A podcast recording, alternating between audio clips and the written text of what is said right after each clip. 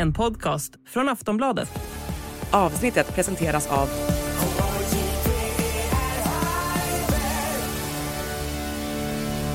Stödlinjen.se, åldersgräns 18 år.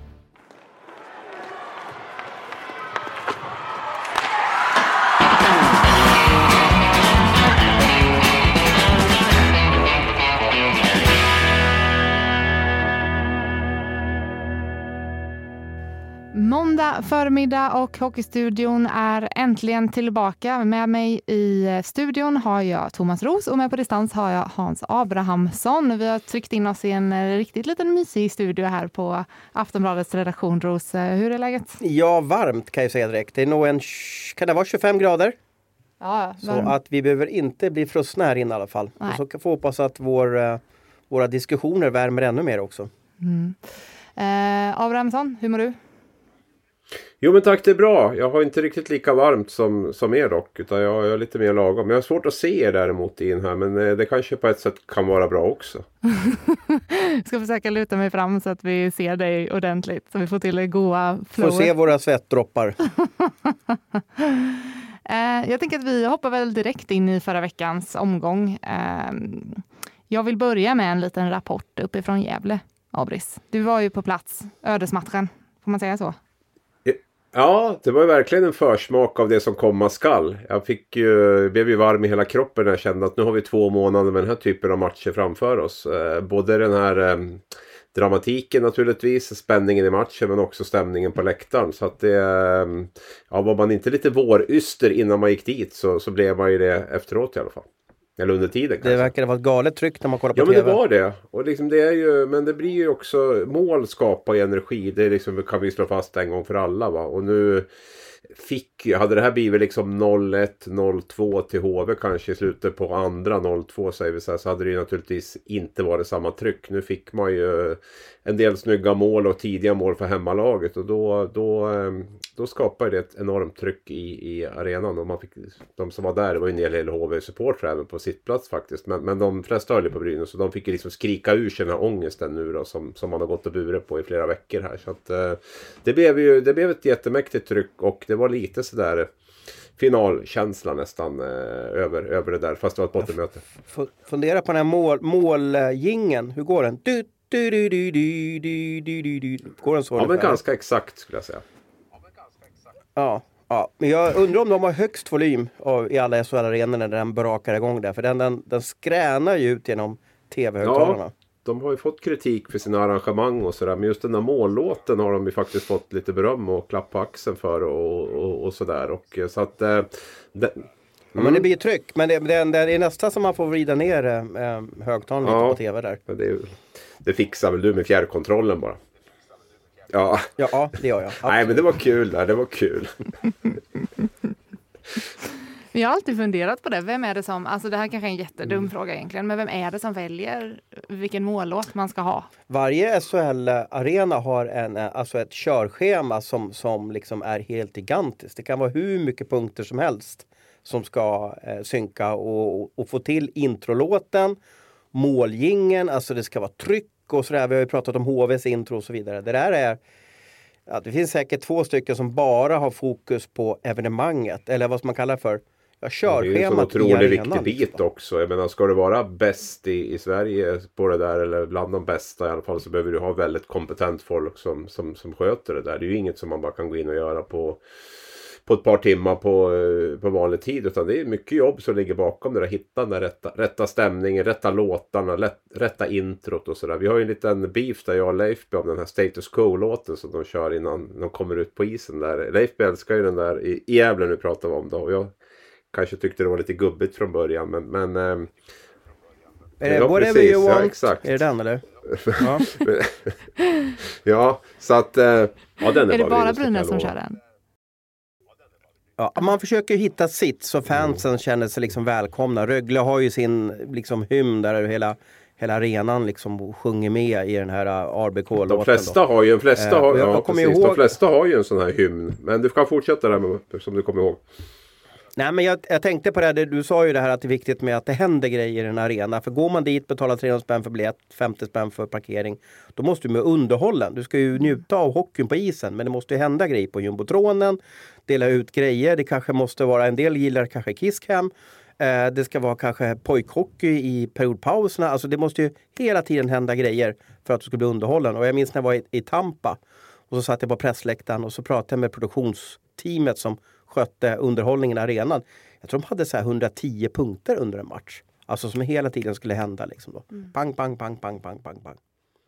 Vilket är, vilken, vilken är den bästa introlåten? De flesta har, Brynäs har ju ingen, de har inte lyckats få ihop någon riktig sån här introlåt. Som de flesta lag har, skulle vi säga, har ju en introlåt. Vilken är din favorit Ros? Ja men har vi inte pratat om den eh, några gånger tidigare? Är det inte HV-låten eller? Ja, vi kanske har gjort det, men Ja. jag tycker ju RBK är bäst. Jo men det är väl HV är och Rögle. Rögle som sticker ut. Ja. Sen är det ju lite olika där, för, för hymnen spelas ju oftast inför spelarna kommer ut. HV-låten spelas ju liksom när de kommer in på isen där. Den här eh, stämningsfulla hym, hymnen spelas, är ju lite lugnare och spelas ju lite inför. Sen är det väl mäktigt, det är mäktigt när, också. när eh, det är fullsatt på Hovet och, och Djurgårdspubliken ställer sig upp med halsdukar och sjung för gamla Djurgården. Den är ju också ganska trevlig. Mm. Men det är ju om det är intro eller om det är nu är Julia tjur här. Du är aik alltså? Du kommer ut som aik här. Nej men jag tycker bara inte, nej men den är ju lite tråkig eller? Eller får man säga, jag vet inte, nu Nos- kommer jag få anstormning. nostalgi är det. Ja, kanske, jag vet inte. Vilken, Eh, vilken var tråkig? Vilken var tråkig? Sjung för gamla Djurgården såg hon här. Ja, ja, ja, ja. ja. AIK har ju en fin, AIK har ju en väldigt Ja. mäktig. Ja, den är fin. Den är jag fin. säga. Ja. Mm, Jag vågar inte säga någonting här nu för då kommer Ros tro att jag är gnagare i så fall. Men eh, däremot så vill jag veta vad ni tycker om att ha Sweet Caroline som eh, mållåt. Om det, kan, kan det vara den mest utchattade låten eller? Ja, ja. Du vet för många år sedan när jag och Abis började gå på hockey. Då körde man alltid när en spelare blev utvisad eh, Snickerboa-låten med Emil. Är det sant? Ja, den spelas överallt. Jo, så var det. Ja, Och så klapp, klappa händerna när nu är vi riktigt glad och så var det klapp, klapp. Ja, ja men det har man, varit med- man Ja, varit med om. ja. Men Snickerballåten tror jag inte har hört. Mm. Vad, Nej, okej, ja, den är. Är det något man borde ta tillbaka? Jag tror att den är så förlegad och uttjatad eh, just den där. Men, men den var ju nästan i de flesta arenor. Och så skulle alla på slutsignalen kasta in sittdynan på isen. Det var väldigt populärt förr också. Okej, men om vi, om, om vi går tillbaka nu då till eh, matchen Brynäs-HV. Jag gillar ändå när vi spårar iväg och Ja. får helt orimliga diskussioner. Men, eh, spelmässigt då, Abris, vad, vad tyckte du?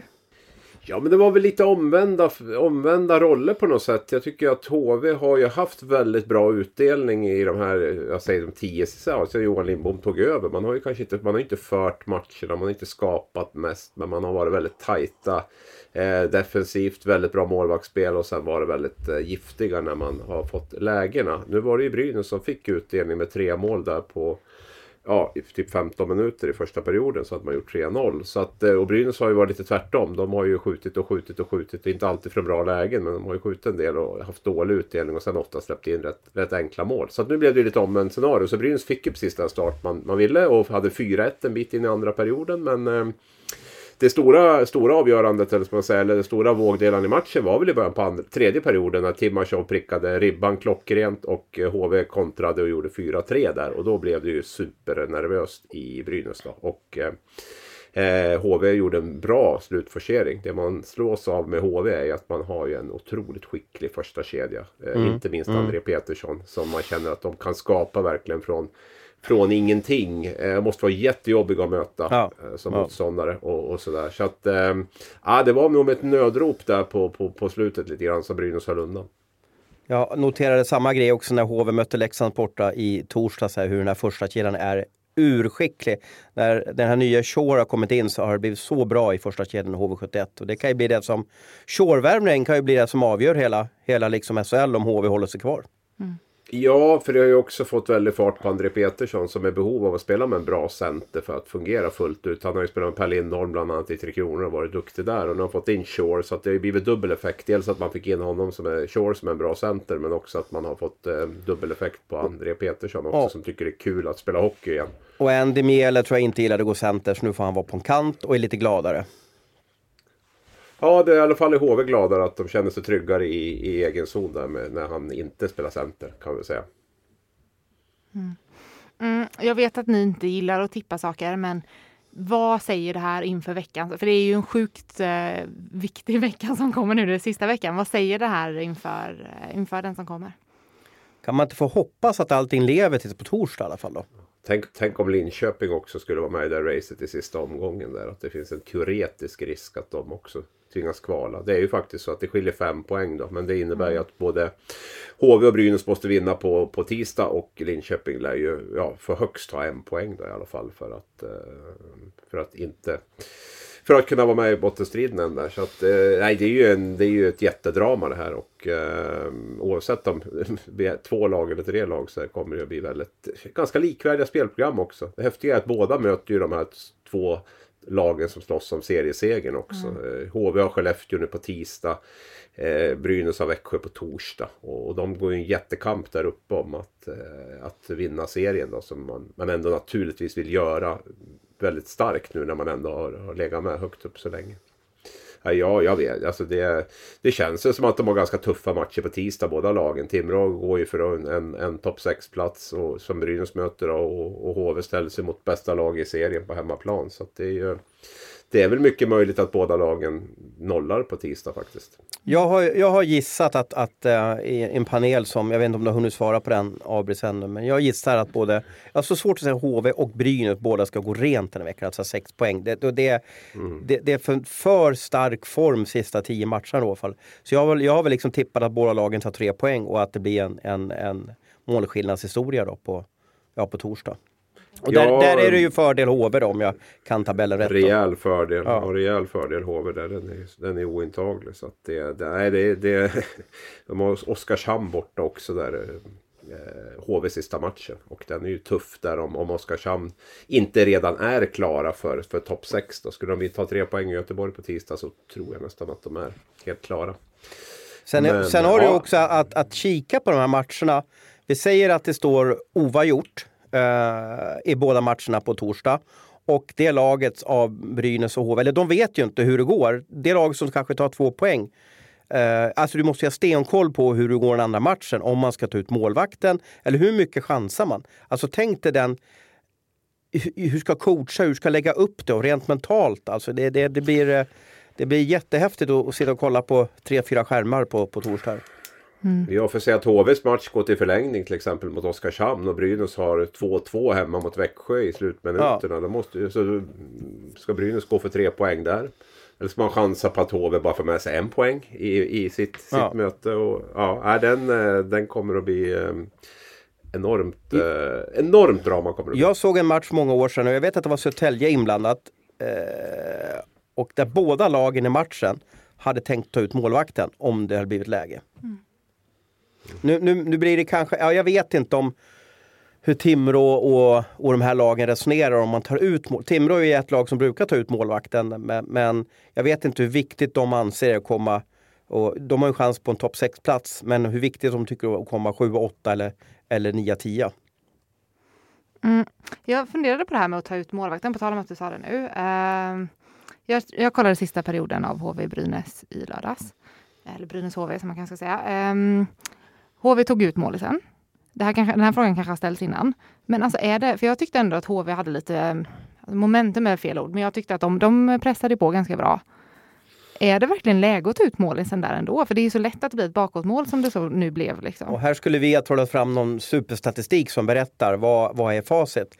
Det enda, det enda jag kan säga är att i KHL, i alla fall tidigare, nu vet jag inte riktigt, så var man väldigt försiktiga med att ta ut målvakten. För där menar man oftast på att det blir mål i baken istället för mål framåt. Ja, vilket precis var min teori där ja, kanske. Ja. Um, jag, jag, har ingen statistik på det hela, men det vore väl jättekul att, att kunna skicka det till, till någon SHL eh, statistikguru och ta reda på uh, ja, hur blir, hur är liksom själva sannolikheten att man gör mål? Ja, för jag tänker att den men poängen det, hade varit så mm. viktig. Liksom. Den poängen är ju så viktig att ta. Uh, ja men alltså nu tog de ut målvakten. Det, var, det gjorde de ju helt rätt i uh, när de låg under med ett mål. För att kunna liksom få till ett oavgjort resultat. Eh, däremot så noterar man att de tog inte ut den för att gå för en... Eh, när Brynäs gjorde sitt andra mål så valde ju HV att... Eller sitt 5-3 mål ska jag väl säga. Så valde ju HV att inte ta ut målvakten då. Och där tror jag man tänkte lite målskillnad också. För det blir lite... Det blir lite dubbeleffekt där om Brynäs hade tagit tre... tre Mm. Vunnit med tre mål. Då hade det varit sex mål man ätit in på målskillnaden där på, på HV. Så att jag tror att det var ganska medvetet att man var... Men vilka, klock, vilka klockslag gjorde de eh, 5-3 målet då? Ja men en minut kvar ungefär. Okej, ja, då är det ju svårt att hinna sen, ja precis. Mm. Men ibland jag funderar på, det är ju vissa, det är vissa lag men har hade, sett. det, hade, det varit, hade de haft allt att vinna så hade de ju tagit målvakten även då naturligtvis och gått för att få in två mål. Men nu tror jag man värderade in det här med målskillnaden lite grann i att eh, det är så liten risk att vi kommer att göra två mål sista minuten och eh, större risk att Brynäs gör ett, ytterligare ett mål. Men jag, vill bara, alltså, jag gillar ju Julias fråga där. Jag skulle vilja syna den historiken, vad man baserar på. Okej, man kan ju inte förlora, man de hade ju redan förlorat matchen så man chansar ju att ut målvakten. Men jag funderar på vad, vad är, ja, över, ta 20 år tillbaka. Vad är smartaste valen? Ta ut målvakten eller inte göra det? Ja, för de hade ju inte förlorat match. Det var ju typ två minuter kvar när de tog ut han första gången. Eller det kanske till och med var mer. Jag minns inte klockslag. Vissa lag tar ju ut när det är 7-8 minuter kvar, när de ligger under med två mål. Jo, men alltså sannolikheten att göra mål med en man mer på banan är väl betydligt större än, än, än, än att inte göra det, tänker jag. Ja, jag tänkte mål i, i, i baken, det var så jag menar. Ja men det gör väl inte så mycket. Men det gör väl inte så mycket. Men ja, man, man, man satsar väl på det då. Det spelar väl ingen roll om man förlorar med 4-3 eller 5-3. Nej, det är sant. Jag bara tänkte att det hade kanske också... Jag vet inte, det blir bara tung sista minut där liksom. Då har du ingenting att spela för. Då har du två, två mål upp så att säga. Ja. Ehm, men vi kan, vi kan lämna den, eh, Julias fundering. Eh, däremot innan vi lämnar Brynäs eh, HV så tänkte jag, det var väl, eh, det var ju därifrån det här eh, Challe-klippet kom som du skickade innan. Abris. Ja, Det måste ja, vi ändå ta upp, det är ju typ det sjukaste jag har sett. Ja, ja. Det var. Eh, det var ju eh, Henrik Sjöberg på, på Hockey News som stod i den där trånga gången och intervjuade eh, Anders Lindbäck där då. Eh, och då kom ju Challe Berglund förbi då. Och ehm, han har ju tränat, eh, har väl haft Lindbäck uppe i Timrå. Eh, om inte jag minns helt fel va. Eh, kan det vara så Ros? Ja, ja. Jag tänker det var länge sedan han var där men kanske, ja Challe var nog där. Jo, men jag, stämmer. jag, jag, oavsett. jag Ja. har en Lindbäck-anekdot jag kan dra sen.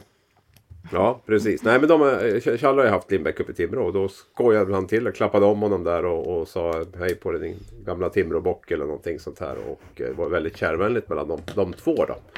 Eh, och det där klippet spreds ju på sociala medier och blev ju väldigt, väldigt omdiskuterat. Eh, kan vi väl säga. Så att, eh, ja vad kände du Julia? Bland det sjukaste du har sett. Hur tänkte du? Det var starkt, det var starkt kanske. Men, eh, Det man ska veta är att. Challe är ju, en, är, ju, är ju en glad gamäng. Alltså han är ju oftast liksom han, han har ju plockats till HV för att det ska bli lite roligare, gladare i omklädningsrummet. Ja, och det, det kan ju vara fint. Jag, Ja. bara, jag tycker bara att det kanske var lite magstarkt efter liksom en förlust så och var så. Han var ju så himla glad. Mm, så himla, alltså, ja.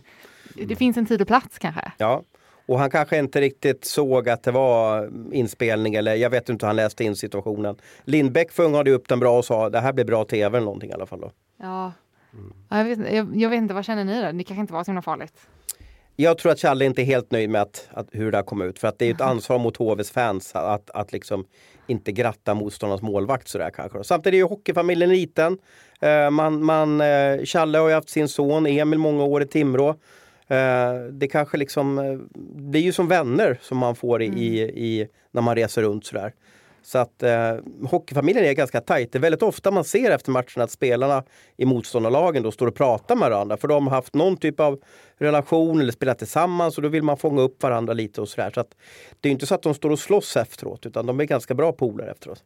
Ja, men Alltså, det är ju en speciell situation. Jag tror väl hela Challes hela approach in i det här är ju att vara så avslappnad som det bara går. Jag, jag tänkte själv på det under presskonferensen där. Jag vet Mikko Manne två dagar tidigare eller tre dagar tidigare såg ut som ett, eh, som ett fullständigt ösregn på den presskonferensen. Nu stod Challe där och hade förlorat den här matchen. Han var väldigt liksom Nej, men så väldigt avslappnad ut. Eh, väldigt liksom artigt och ödmjukt och sådär. Och liksom lyssna på Mikko och hela allt det där. Så att jag tror att han vill sprida den bilden väldigt mycket av att det här är eh, att de är avslappnade, att det inte ska bli för allvarligt. Jag tror han har den, den rollen i det. Sen kan man väl alltid diskutera olika situationer och hur han tänkte om det skulle komma ut eller inte liksom på sociala medier. Men jag, jag tror att han vill, är väldigt mån om att sprida den, den bilden av att eh, eh, att det här ska vara kul, att det ska vara något lustfyllt. Och när, det, när vi spelar spelar vi och sen så, så släpper vi och går vidare till nästa match.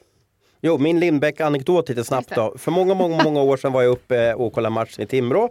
Eh, så gick jag ut och käka med Henrik Sjöberg efter matchen. Eh, och så sitter vi med två kompisar till eh, Henrik Sjöberg då. Och jag skulle vara artig och trevlig och inbjudande och fråga, ja, var, var ni på matchen då i, ikväll? Frågade jag.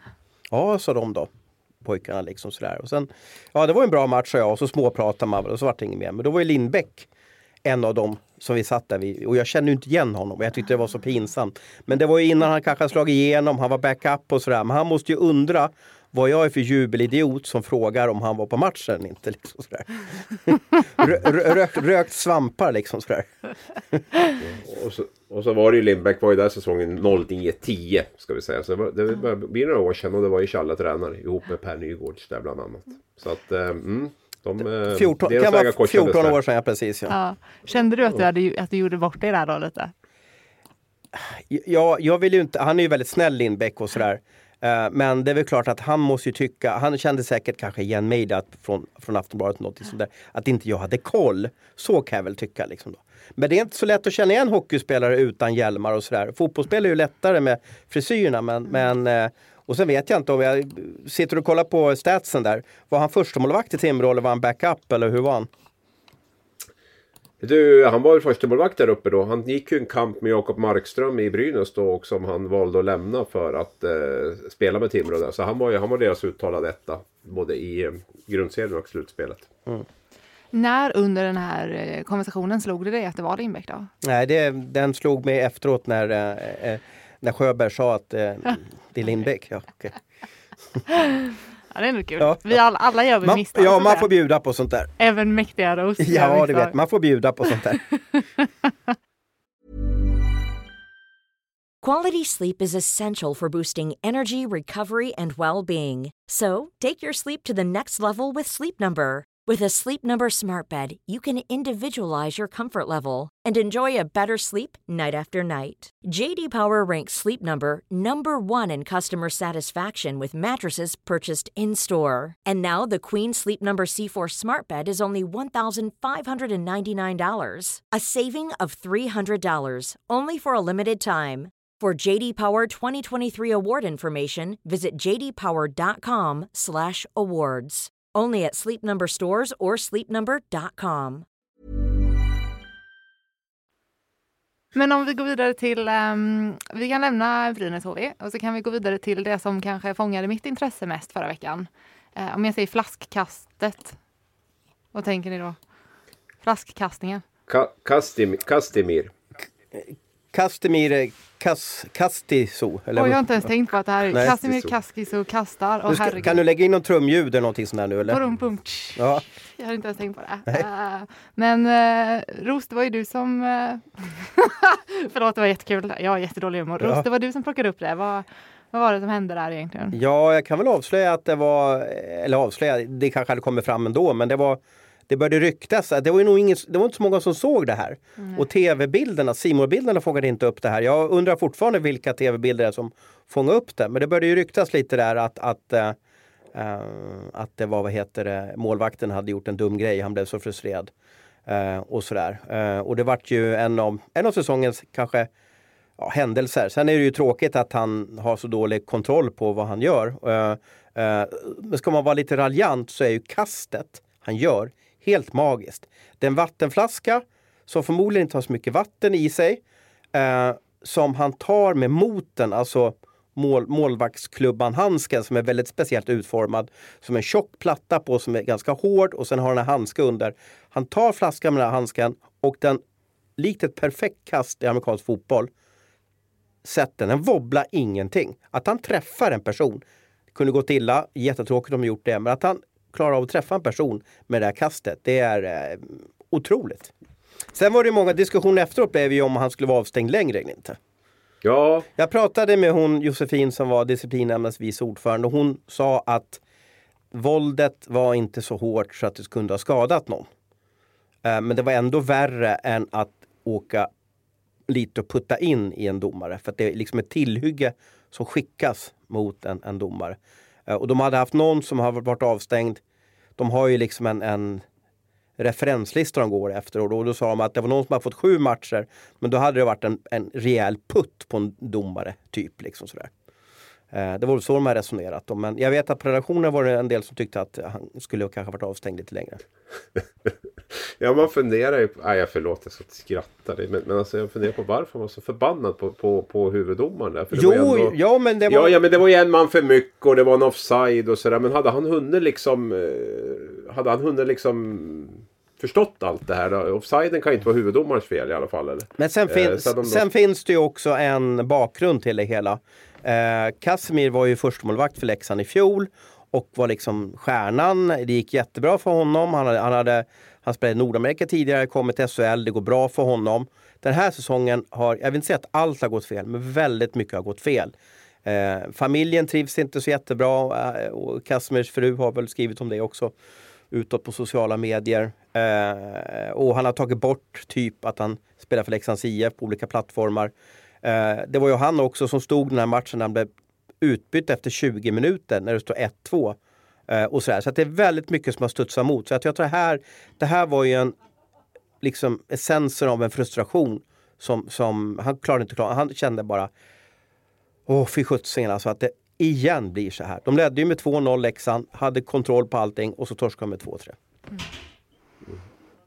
Jo, det är ju en HV-spelare också som ser hela situationen som gör domaren uppmärksam om vad som händer. Det är lite roligt när man sitter och kollar på klippet där. För det är ju faktiskt en HV-spelare som pekar på, ja. på mot Kaskisor ja. där och att det är liksom att, att, vad som har hänt. Så de blev nog eh, Men domarna, jag tror inte domarna såg vem det var som kastade. Nej, det tror inte jag heller. Nej. Han känner bara att han får och, den där. Och jag undrar fortfarande Abris, vilka tv-bilder som skickas ut. Uh, vem har tagit dem? Jag gissar, jag killgissar att det är målvaktstränarens eh, bilder. Egna kameror i hallen där. Ja. Ja, vi får se det. Men Leksand är ju fascinerande för mig. Det är alltså jag, hela, ja, dels Kaskiso-grejen är ju, är ju något som stör enormt där. Och sen så har man ju liksom, nu har man ju fått tillbaka Rivik och Cehlárik och nu är man typ formsvagast i hela ligan sen, sen Cehlárik gjorde comeback eller debut eller vad man ska kalla det för. Han har ju varit där tidigare så någon typ av comeback var det väl då. Så att jag, och nu är de väl borta från topp 6 i stort sett där. Så att, ähm, ja, jag blir inte klok på det laget faktiskt. Och hur de tänker och hur de gör och, och, och sådär faktiskt. Du är ju på plats rätt mycket. Ja, de har, ju, de har ju en taktik Leksand att de ska spela Cellarik och Rivik i form. Men de, de får inget riktigt stäm uh, den här säsongen. Cellarik är lite, har begränsad skridskoåkning. Och det känns som att SHL har blivit lite, lite, lite bättre än vad här senast. När han, mm. när han eh, gör alltså, lite omställningar i sin skridskoåkning så märker man att han tappar en meter direkt. Och det, det funkar inte, det går så snabbt där ute. Eh, Rivik känns som att det kanske är lite mentalt för honom också. Mycket slarvpuckar alltså puckar som han skickar iväg som, som han inte borde göra. Eh, och, och Um, Ljumskarna håller säkert på honom men, men han är inte där med klubba puck. Tror du Björn Hellkvist liksom trivs med situationen? Tror du att, att han känner att ja, fan, det är värt att spela de här killarna i form? Eller tror du att han helst bara skulle vilja ha sluppit dem och, och fått köra med det laget som, som vann matcher på löpande band? Nej, nej, nej. Uh, han spelar ju uh, Elvenäs och Sellerik väldigt mycket och det är, nog, det är de som, han, som, som Leksand har längst kontrakt med. Så jag tror han känner att han, han måste få igång de här.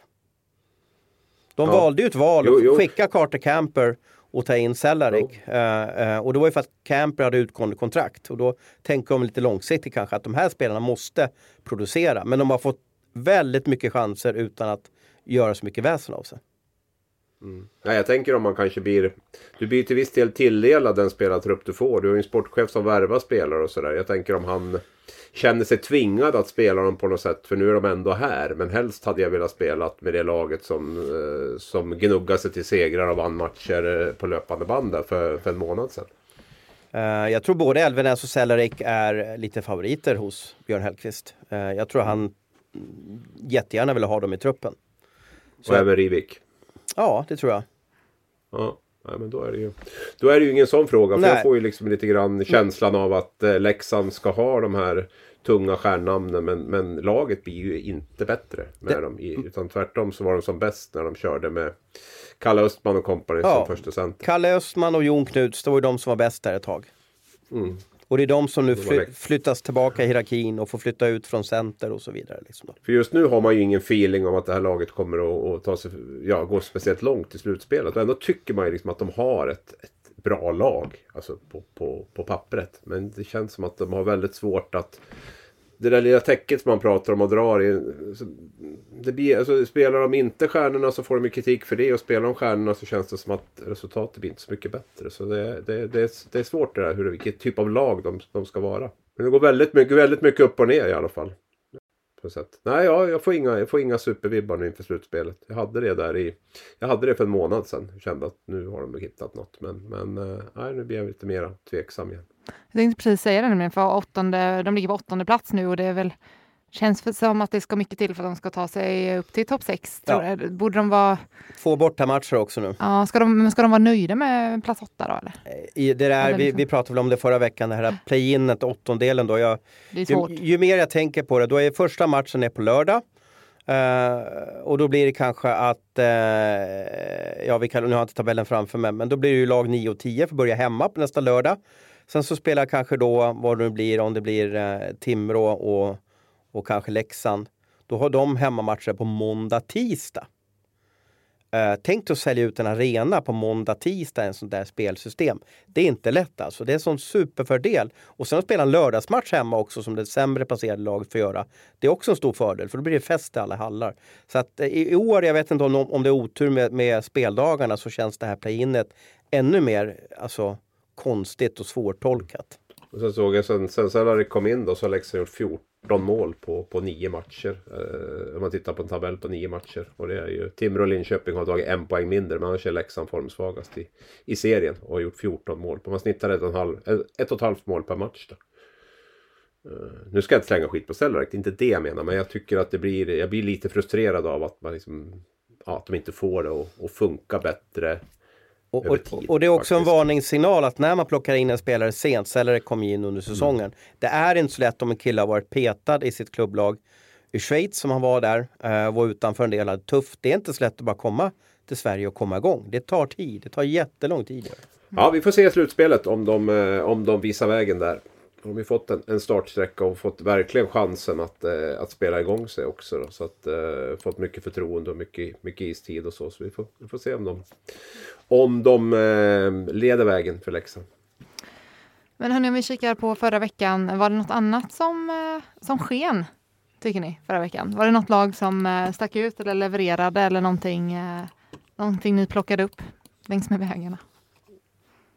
Färjestad tycker jag igen de måste lyfta fram igen nu då. De har ju, vi ska inte tjata om de här skadeproblemen. Det är många som har skadeproblem. De har ju väldigt mycket spelare borta här. Nu var väl både Lindqvist och Marcus Nilsson och Oskar Lavner borta. Eh, sen har man ju Åslund och Remielli och någon till borta sen tidigare. Man åkte upp och vann med 1-0 i Skellefteå. Man har tre raka segrar den här veckan och eh, har väl Ja, man har väl säkrat topp tre platsen eller man är ju trea i tabellen. Man kommer inte att tappa den. Och jag tycker med den säsong de har haft eh, så, så är det otroligt starkt. Och jag tror att de kommer att bli jättefarliga i, i slutspelet. Vår vän Matt Tomkins har ju också verkligen svarat upp eh, efter sin eh, bärsärkagång på, på den här ljustavlan. Så jag tror han har två, två insläppta den här veckan och 97 i räddningsprocent. Så att eh, ja, det tror jag att eh, det var svar på tal faktiskt från honom.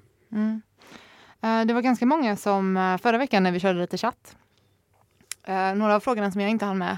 Det var ganska många som frågade om det är något nytt på värvningsfronten in till Färjestad för att det är lite tyst där. Ja, nu ska man ju direkt, direkt säga att eh, transfer deadline har ju varit, den var 15 februari, så de kan inte förändra någonting i truppen eh, just nu. Eh, sedan har de säkert på gång massa godis till, till nästa säsong. Vi vet bland annat att Nygren då, eh, som blev avtackad i Davos såg jag här med en fantastisk banderoll. Eh, kommer ju tillbaka och det, han blir ju säkert en, en publikfavorit och kommer ju stanna och spela ut, alltså resten av åren i hans karriär kommer han spela i Färjestad. Mm. Ja, nej, till nästa, nästa säsong så, så letar man nog en del, och inte minst kanske en första center och, och lite sådär. Och som Thomas är inne på, Nygren är redan klar där. Uh, försvinner ju Lennström, så jag vet inte om man tittar på ytterligare en, en toppback. Den här Brandon Davidson som har kommit in har ju, har ju verkligen gjort avtryck tidigt där och, och blivit den här ehm, med stabila back, lite backgeneralen där bak som, som, eh, som Färjestad kanske har sökt lite grann efter och blivit den spelare man hade hoppats på. Så att du ser ju backsidan också eh, både bred och spetsig ut. Ville Pocka har väl haft en lite sån här poängflow här i veckan också. Jag tror han har 0 plus 5 eller någonting på de här matcherna. Och spelar, har ju spelat mycket också så att eh, Nej, det är mycket som börjar att, att falla rätt där. Sen, sen, är det ju det här med att få tillbaka skadade spelare. Det kan ju, det är inte alltid det blir liksom, åh nu kommer vi bli jättebra bara för att alla kommer tillbaka. Det kan ju också vara det att de som har dragit lasset och gjort ett jättejobb slappnar av lite grann. De här som har varit skadade är inte riktigt i form. Så att det, det, det gäller nog att de fortsätter jobba lika och lika hårt och inte tror att det kommer att lösas av sig själv bara för att eh, man får tillbaka mycket spelare. För det var ju till och med Henrik Björklund på is i på träningen idag läste jag. Och han eh, har ju varit borta sedan han fick den här hjärnskakningen i Gävle när jag var och intervjuade honom efter matchen. Han gjorde något sånt där konstmål när han ramlade i ett friläge och sköt in returen på något märkligt sätt och sen brakade in i sargen. Och eh, sen dess har inte han spelat hockey. Och det här nu pratar vi kanske om oktober eller någonting som det här var. Han hade ju en succéstart men, men har ju haft jättemycket symptom då, av hjärnskakning och inte kunnat kört för fullt. Men nu var till och med han på is och eh, jag tror väl bara det är typ Ellie möjligtvis Åslund som inte är redo snart för spel. Mm. Hur långt um, tror du att de kan ta hem hela skiten? Liksom? Ja, det tror jag. Det tror jag. Det tror jag faktiskt att de kan göra. Um, det känns så. Och eh, de, de, de är den allvarligaste utmanaren till, till Skellefteå och Växjö. Som naturligtvis är favoriter. Eh, inte minst för att båda lagen är ganska vana vid att gå långt i slutspel också. Eh, både, båda klubbarna liksom på något sätt. Man har lite den kulturen. Och eh, man har spelare i både Skellefteå och Växjö som är vana att gå långt i slutspel och sådär. Ledande spelare som är vana. Så att eh, de två är favoriter. Men den självklara outsidern, om man nu får kalla serietrean för outsider, är ju, är ju Färjestad. Vi har ju haft ungefär nuvarande slutspelsformat i, i jag tror 34 år eller någonting sånt där. Och, och vid två av tre tillfällen har lag 1 eller lag 2 vunnit SM-guld. Är det så? Mm. Det är väldigt svårt att komma nerifrån i tabellen och vinna. Plats 6 har blivit som en sån här grej. Uh, Färjestad kom har kommit plats 6 och vunnit guld två gånger under de här sista 34 åren. Så där har vi någon, någon liksom sådär.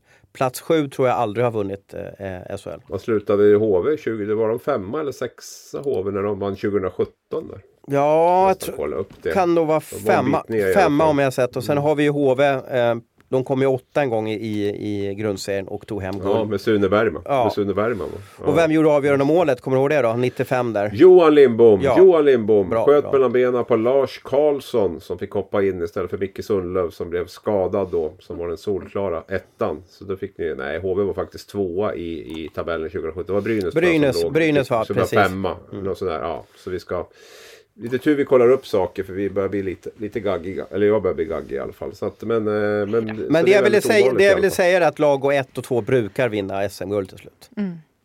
Mm. Så kan vi säga. Och inte minst nu när vi har två rutinerade eh, slutspelsklubbar som är där så tror jag också det spelar in på, på, um, på att eh, de är ännu större favoriter. Mm. Men um, ja, det blir, det blir häftigt att se. Det kommer bli riktigt spännande att se faktiskt. Har ni något annat eh, sillisur som hände förra veckan? Jag håller, jag håller lite koll på era artiklar som släpps. Ja. Tänkte om det är något ni vill lyfta speciellt? Tycker man spyr ur sig hela grejen. Men det var väl intressant att Ludvig Jansson valde, eh, har valt klubb i alla fall, Abris. Ja men precis.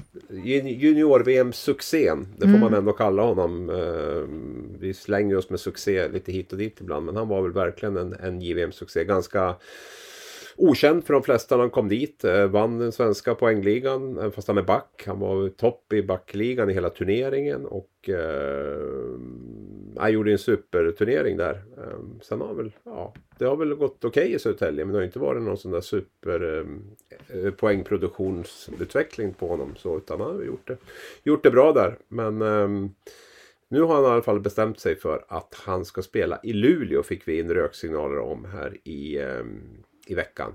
Det är ju mm. inget, inget kontrakt har sett underskrivet men, men de signaler de fick in var att det är Luleå han har bestämt sig för. Luleå har ju valt lite grann där, eller har ju haft både Oskar Asplund från Almtuna och Ludvig Jansson på sin radar. Då. Nu, nu verkar det som att det var Ludvig Jansson som var nummer ett på den listan och när han tackar ja så, så eh, tror jag att Oskar Asplund kommer att hamna i en annan klubb istället. Då.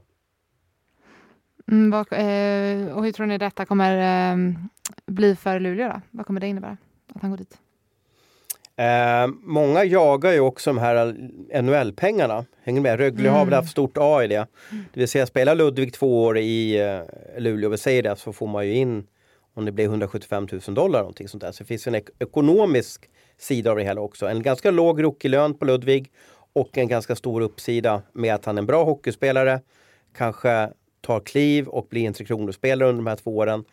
Och man har gjort ett plus minus noll resultat på honom så man får in lite pengar i NHL-pengar. Nej, men Luleå kan väl definitivt vara en, en, en, bra klubb för honom att, att komma till. De har ju gjort bra, bra jobb med unga backar där med, med, med Nils Lundqvist och Jesper Sellgren har ju varit där och, och gjorde det väldigt bra när han ja, var, var ung där och sådär. Så att eh, det är nog säkert ett, ett bra val. De har ju en ganska bra struktur i Luleå också. Jag tror att de har en ganska tydlig bild hur de vill, vill använda eh, Ludvig Jansson som, som eh, Eh, framförallt hans offensiva eh, spets tror jag att de är väldigt liksom, tydliga med att de vill, vill utveckla ännu mer plus att man vill stärka upp hans defensiva spel också. Så att eh, jag, tror att det, jag tror att det kan vara ett väldigt bra val.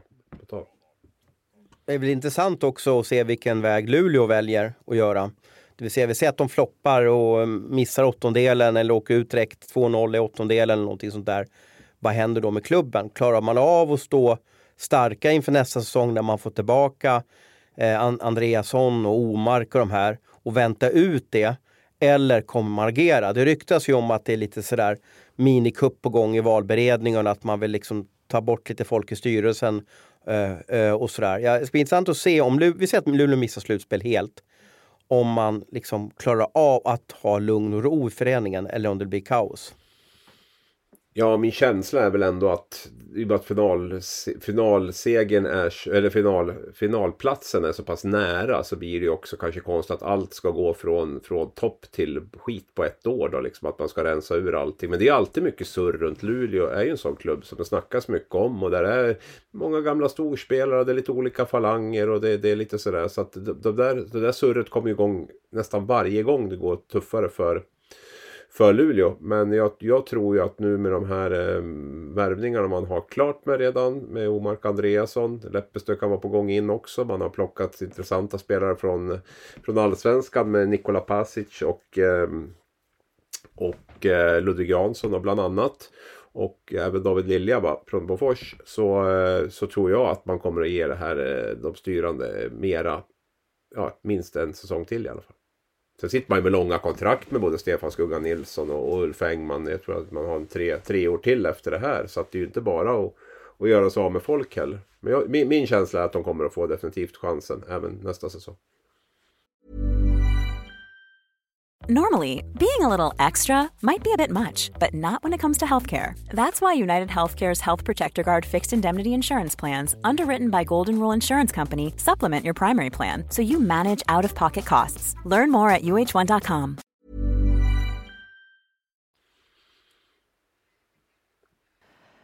Jag tänkte, jag vänder mig till dig Ros egentligen, för jag eh, kunde inte undvika att läsa din lilla mm, Joel Lundqvist-text från förra veckan. Ja. Eh, och jag skulle gärna vilja bara ha en liten eh, kommentar om din kärlek till Joel Lundqvist. Ja, kärlek till, och han är så, det är så många som eh, har synpunkter på honom, att han styr svensk hockey och så vidare. Men han har ju varit med väldigt många år. Uh, gjorde comeback, eller debut, för, han gör, det är faktiskt hans 20 säsong i Frölunda. Och så passar det som han har 20 på tröjan och, och, och allting. Uh, jag tycker alltid allt. han har varit reko på isen, han har varit bra utanför isen och han är en profil som man ser. Han tjatade både på assisterande domaren och huvuddomaren i lördags. Och jag, jag har inga problem med det, för det visar ju att han brinner. Och så gjorde han mål och det var hans sista mål på bortaplan i SHLs grundserie blev det, kommer det här bli. De har, nu har de två hemmamatcher. Eh, eh jag bara, det är tråkigt när profiler slutar. Det jag, det jag fascineras av med Joel, det är att många av våra största hockeyspelare, Davidsson, Fredrik Bremberg, även Jörgen Jönsson. Jag tyckte de spelade en säsong för mycket. Där de tappade, där man inte kände igen dem. De hamnade i en fjärde kedja. Eh, de hade det tuffare. De, de såg långsamma ut på isen. Men, men Lundqvist ser kanske inte snabbare ut än för tio år sedan, men han, han startar powerplay. Han startade han startar första eh, kedjan i, i Frölunda. Han, är, han slutar på topp. Ja, jag kan, bara, jag kan bara instämma. Och det är ju hans betydelse för Frölunda. Man får ju de där frågorna ibland. Liksom, den, den är ju snudd på omöjlig att, att värdera. Men den här resan som, som Frölunda har haft sedan 2013 framförallt. Och när, när Roger Rönnberg kom in. Eh, där har ju Joel haft en otroligt stor del i, i, i att Frölunda ja, dels har ju vunnit två SM-guld men också varit ett kontinuerligt topplag. Bortsett från de två sista säsongerna här. Men det kanske man inte kan skylla på Joel. Eh, och det är just hans, eh, hans sätt att vara den här länken mellan, mellan Rönnberg och spelartruppen. Eh, det är nog inte alltid lätt att balansera det med han tränare som Roger Rönnberg. Och där har ju Joel Lundqvist verkligen lyckats med att eh, att vara den. Och jag, jag fascineras över hans den här, eh, ja, men det här vardagsgrejerna med honom. Just det här att han alltid är förberedd. Han brinner alltid. Han är liksom alltid där på något sätt och, och, och har ett engagemang och ett brinn. Och det där är inte så himla lätt som man tror. Framförallt inte när man börjar bli 37, 38, 39 år. Alltså, och hela tiden eh, pumpa upp sig själv inför varje match som han har gjort. Det, det är ju för mig det som, som sticker ut naturligtvis ihop med alla titlar som de har vunnit med, med SM-guld och CHL. Med CHL-titlar och, eh, och annat. Så att, eh, han är ju väldigt, väldigt komplett på det sättet. Och eh, där behöver vi väl inte diskutera om det ska bli en tröjhissning eller inte i alla fall. Nej. Eh, Fredrik Sjöström, sportchefen i Frölunda, var ju på plats i, i Leksand och han satt med Moras eh, tränarduo där för övrigt. Då. Vi har ju skrivit om att Moras målvaktstränare är på glid till, till Frölunda så det bekräftar väl att där finns det någonting på gång. Eh, men då frågar jag lite om vad, vad, hur Joel är och då, då menar han på det att även fast han har fyllt 41 nu då så kan han ha synpunkter på var bussen stannar utanför Skandinavium, vilken tid de ska äta lunch, eh, hur ordningen är i omklädningsrummet, hur vissa väggar är i omklädningsrummet. Alltså han, han och det är ju samma sak med Henrik, hans bror. Jag tror de är otroligt fascinerande vid detaljer. Precis varje dag. Det måste de ha. Det måste vara ordning och reda för dem för att de ska kunna må bra. Ja, men, men lite grann som individuella idrottare är ju väldigt, alltså lagidrottare kanske inte riktigt på det sättet, men individuella idrottare kan ju liksom bli snudd på maniska med allt från Gunde Svan och så vidare. Men man håller på med de här, de, de har ju en liten släng av det där tror jag, att de är extremt noggranna med, med, med alla detaljer. Jag frågade också Roger Rönnberg på presskonferensen om, om han ville ha in Joel i klubben eller laget nästa år. Men då sa han nej, det är inget vi har pratat om. Och det tyckte jag var lite så här. Uh, sen vet jag inte, jag kan inte bara ta på uppstuds vilken roll jag skulle vilja se honom i. Men det är väl klart att den där vinnarskallen, om, om, den vill man ju inte bara släppa iväg. Den vill man ju på något sätt kunna ha kvar i Frölunda. För det är ju en, det är en kraft man har. Liksom då. Sen tror jag också att det är extremt viktigt att han nu känner väl han sig själv bäst själv. Men jag tror att det kan vara väldigt bra i alla fall att ha, att ha ett år åtminstone där man får lite distans till allting och känner om man, om man har liksom orken och brinnet kvar för att liksom jobba. För det är också, ska du ha ett jobb i klubben så måste du ju lägga ner oerhört mycket tid också på det. Eh, det är ju inte bara vara där utan det innebär, jag vill ju säkert göra verkligen var lika seriös och noggrann då. Så han måste ju känna också att han, att han orkar och vill och i så fall i vilken roll. Och, och bara för att man är en bra lagkapten behöver ju inte betyda att man är en superbra eh, ledare på, eh, i en klubb sen. Det har vi sett några exempel på. Men det är väl klart att eh, vill han och känner att han brinner för det så är det klart att han kommer att ha någon typ av roll i, i Frölunda även i framtiden. Det är väl lite payback time för honom kanske också genom åren. Han har ju en, en eh, familj och bor på en ö utanför Göteborg. Mm. Det är väl klart att uh, han har ju varit borta väldigt mycket. Uh, spelat VM i många år också. Så att det är väl också ett sätt att nu, nu kanske familjen får stå i fokus. Ja, det låter ju vettigt faktiskt. Ja. Finns det någon annan i svensk hockey just nu som är, som är en lika stor profil som Joel Lundqvist? Oj, alltså eh. den, den, som får väldigt mycket alltså, bass runt sig hela, det är ju Kinnimin i, i Luleå. Uh, han berör ju också hela tiden.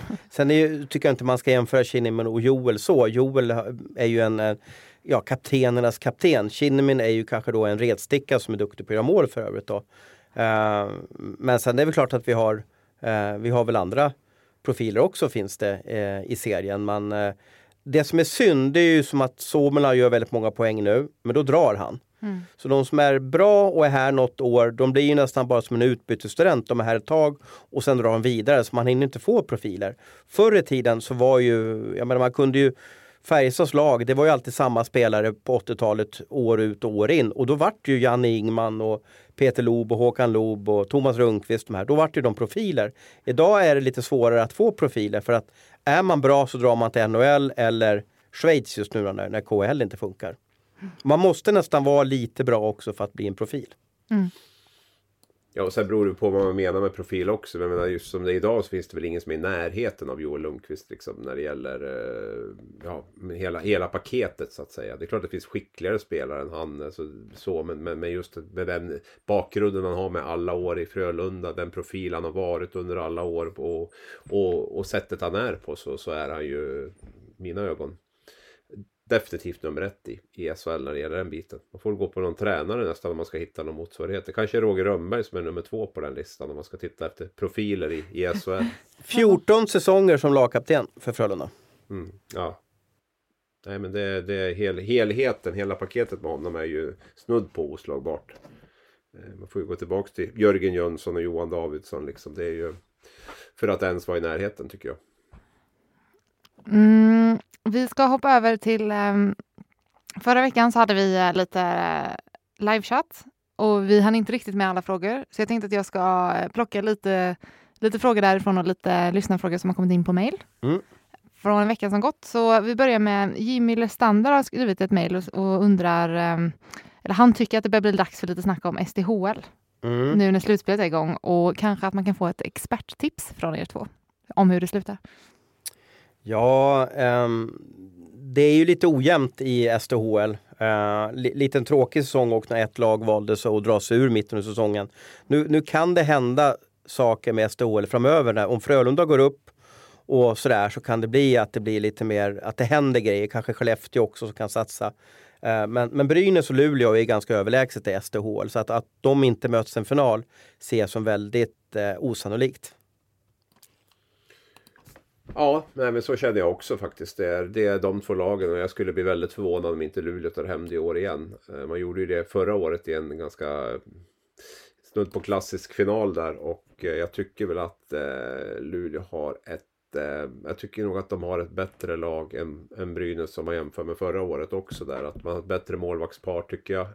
och man har även lite mera bredd offensivt. Bredd på spetsen offensivt skulle jag säga. Så att Brynäs hade väl lite oflyt där också så man eh, har ju, hade ju värvat in då Klara Peslarova, den tjeckiska världsmålvakten från, från Modo. Och sen gick hennes, om det var korsband eller knä i alla fall, sönder där i hösten och säsongen är spolerad. Nu har man ju varvat med tre olika målvakter där och eh, Medan Luleå då har, har ett väldigt, väldigt eh, bra målvaktspar med, med Sara Gran och, och unga Frida Axel inte minst då. Så att jag tror att det, det kommer att fälla avgörandet. Målvaktsparet och eh, spetsen. Bredden på spetsen. Luleå vinner SM-guld tror jag på de sidan. Sen så har vi eh, Fredrik Björs som undrar någon hint om vad Viktor Rask spelar nästa säsong. Hört att det är ett par klubbar där och hugger. I vårt Sillu-svep Sillu, eh, där så tror jag att vi nämnde Rögle, att de var lite intresserade. Eh, han har ju en speciell eh, karriär, är lite skolad i Leksand, varit väldigt många år med ganska stora paychecks i Nordamerika. Eh, jag tror att han kommer försöka hålla sig utomlands så länge som möjligt.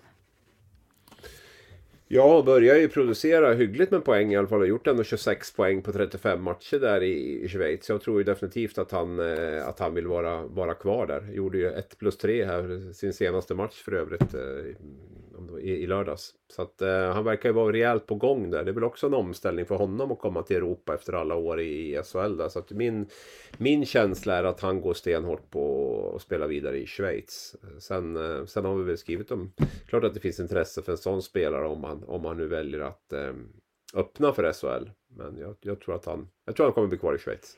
Mm. Um, det här kom ju faktiskt uh, förra veckan att uh, Linus Widell missar resten av säsongen. Men vi fick in en fråga. Birger undrar, har ni hört något om hur han mår? Det var ju en jäkla smäll.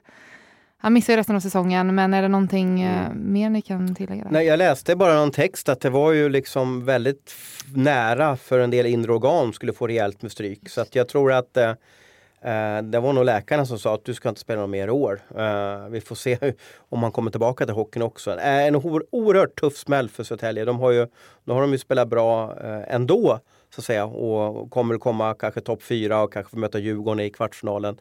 Men de hade haft så mycket större chans med, med Hockeyallsvenskans bästa spelare i line-upen. Mm. Ja, det, det, är väl klart att det är så. Man känner lite grann att det var nog, där gick, där gick liksom SHL-tåget för, för Södertälje. Med en, en, en fräsch Linus Widell så tror jag att man hade kunnat vara med och utmana. Nu tror jag att det blir, blir för tufft, så det blir en jättetung smäll eh, för, för Södertälje. Då. Att, eh, och även för Widell då naturligtvis, att han inte kan, kan fullfölja säsongen. Mm, vi har pratat om brödernas innan, men det var också någon som undrade, tror ni brödernas spelar i Hockeyallsvenskan nästa säsong? Mm, nej, det tror jag inte. Eller Väsby blir det väl, eller vad säger man? Ja, eller ja. ja hur man ska säga. Väsbybrödernas. Ja. Det är ju lite eh. svårt innan man ser truppen måste jag säga. Ja. Man vet ju inte riktigt. Vi har ju varit med på en del satsningar eh, tidigare och sådär. Så man, man skulle vilja vänta med den tills man ser lite grann hur de har tänkt bygga laget, vem som ska träna dem och så, och så vidare. Och, så där. och hur, hur stor roll Dick Axelsson ska få och så vidare. Va? Så att, eh, ja, och, och, men, och eh, också slu, slu, slutspelsträdet också att ta sig upp till Hockeyallsvenskan. Om vi, om vi tycker att andra saker är komplicerade så, så är det där nästan. Det är nästan lättare att åka till Mars. Ja, den är tuff mm. att gå upp. Mm. Mm. Ja, så det, det, det har de med resa att göra. Men det är klart, Väsby är ju ett lag som, som, som har varit med bra i år. Och det är klart att man kommer ju, kommer ju definitivt att vara ett av, de där, ett av de där lagen som är med och, och hugger på den allsvenska platsen. Och jag är väl övertygad om att det kommer att vara deras definitiva målsättning i alla fall. Att, att gå upp. Får se om de lyckas locka med några hamburgare där till, till nyförvärven kanske. Som kan få in lite spelare. Eh, Oskar undrar, vem blir huvudtränare i HV71 kommande säsong? Tror inte jag tar den förra veckan. Vi, har, vi håller på med den. Åh, oh. den, är, den är så speciell. Vi vill så gärna breaka den Abis, eller hur? Ja, man ska inte säga för mycket. Då kanske man upp det. Om det man, ska ju vara... Nej, men det... Som jag hörde så fanns det tre alternativ och eh, de har lite svårt att eh, eh, liksom värva en tränare nu för att man vet ju inte de vet ju inte vilken division de spelar i. Men den tränaren som, som, som vi har förstått har tackat ja, han har sagt att ja, men jag, jag kan träna er även i, i Hockeyallsvenskan. En sista här som kom också, det var signaturen MI ME kan man ju säga, jag vet inte varför jag sa det på engelska. Som eh, frågar om era tankar kring följande hypoteser, så häng med nu. Mm. Eh, slutspelets positiva överraskningar. Oskarshamn har i och för sig skrivit knappt en överraskning längre, så den kan vi kanske bara signa på. Ja, ja de, alltså, de, de, alltså överraskning i SHL, det är så han menar? Alltså. Ja, ja, ja. ja, men det kan vi hålla med om. Ja. Eh, Leksand har vi ju precis skjutit ner. Ja, men det här var ju för en vecka sedan och då hade... Det här var för en vecka sedan. Eh, att Rögle går bra i slutspelet. Ja, um, jag får ju rätta mig här. Jag har ju sagt några gånger att inget lag från plats 7 till 10 som har tagit sig förbi eh, kvartsfinalen. Men det har faktiskt skett två gånger i, i serien där. Och, Eh, men det är ju två gånger av, av 16 möjliga så det är väldigt liten chans då. Men, men Rögle ska ju inte kunna ha en chans att ta sig från åttondelen egentligen till förbi Skellefteå eller Växjö. Det har jag svårt att se. Nej, och sen blir det intressant att se hur, hur, mm. hur kommer man att matcha mot den här första kedjan i Oskarshamn. Eh, vilket lag de nu får möta. Man har ju sett spelare som har fått det tuffare i slutspelet. Eh, som har gjort mycket poäng i, i SHL och sådär. Men att det blir en tuffare vardag när man, när man möter samma lag eh, ja, varannan dag och, och de verkligen tokmatchar mot för att få stopp på den här kedjan. Så det ska bli jätteintressant. Men det är ju som det ser ut just nu så är det ju Örebro och Oskarshamn då i en, i en eh, kvartsfinal. Färjestad-Frölunda i den andra. Och det är klart att ja, Örebro har ju Eh, känner väl Oskarshamn definitivt inte att man är slagen på på förhand mot. Eh, så att jag, jag tror att eh, de har alla förutsättningar att, eh, stora förutsättningar ska jag säga, att, att, att nå en semifinalplats som det ser ut just nu i alla fall. Mm. Nästa hypotes var faktiskt Örebro tar hem det hela med sin grishockey och storspel av Eneroth. Det hade ju varit en rolig skräll, hänger du med? Det är ja. alltid lite, lite roligare än ett lag som aldrig har vunnit eh, eh, förut. Vi säger att, att Skellefteå och Växjö, vilket är extremt troligt, möts i SM-finalen. Så har ju de vunnit väldigt mycket och spelat finaler väldigt mycket eh, sista åren. Så det är roligare när ett, när ett nytt lag kommer upp. Jag, jag tror väl inte Örebro har riktigt, ja då ska Enroth stå på huvudet nå, nå fullständigt också. Mm. Jag såg ju honom mot Brynäs där var han ju tokbra igen med Enroth och han är ju en målvakt som verkligen växer när de blir bättre. Jag tycker att Örebro är nog det lag som har överpresterat. Jag är ihop med Oskarshamn så är de det, men Örebro kanske ännu mer tycker jag kramat ut rasande. Jag tycker Niklas Eriksson, eh, Stefan Nyman och Termell där har gjort ett jättejobb faktiskt med det laget. Sen kanske jag undervärderar lite materialet men att de ligger fyra i tabellen som deras säsong har sett ut det, det är jätteimponerande. Och jag vet själv att de pratar väldigt mycket om, hade inte vi spelat den där åttondelen mot Brynäs förra året då hade vi kunnat då hade vi nog slagit ut Luleå tyckte de i, i semin där. Men det blev för tufft. Eller i kvarten blir det väl. Eh, det blev för tufft där liksom. Va? Så, att, eh, så jag tror att de är jätte, har varit jättefokade på att försöka ta den här topp 6-platsen. Vilket de i stort sett har, har grejat nu. Och eh, nej, de, de gör det bra tycker jag Örebro. Sett ifrån sitt lag. Men att de ska räcka hela vägen? Nej. nej. En eh, sista negativ överraskningshypotes. Eh, skadedrabbat eh, Frölunda åker ur i åttondel, alltså man tar sig inte ens i kvartsfinal. Det ser väl ut som att de kommer topp 6 då. Mm. Och så allt kan hända. Allt ja, kan hända. Allt kan hända. De tog ju tre viktiga poäng här i lördags. Jag tror att den här segern i lördags var väldigt viktig för dem, att de fick komma igång lite. Och vann ju på, jag vill inte säga att de spelade en, en defensiv hockey, men de var tajta bakåt och eh, hyfsat effektiva eh, framåt. Eh, det, det, såg, eh, det var i alla fall ett fall framåt. Ja, ja de har ju tuffa hemmamatcher nu. Oskarshamn först och sen, och sen Färjestad den sista där. Och det är klart de behöver ju ta minst tre poäng tror jag i alla fall för att, för att hålla undan. Så vi får, vi får väl se. Frölunda är ju jättesvårbedömt. Alltså det, det, det är... Nej, jag tycker inte att det lyfter. Eh, men samtidigt har de ju liksom lyft sig lite från den här absoluta bottennivån som de varit på de senaste veckorna. Här. Så att, och de har också haft mycket skador ska vi säga. Och, och sådär. Och får, man, får man tillbaks allt då och Lasse Johansson blir den här eh, målvakten han har varit i i slutspelen i Ryssland några gånger så såklart att det är, det är en tuff motståndare. Men jag har svårt att se Frölunda nå hela vägen.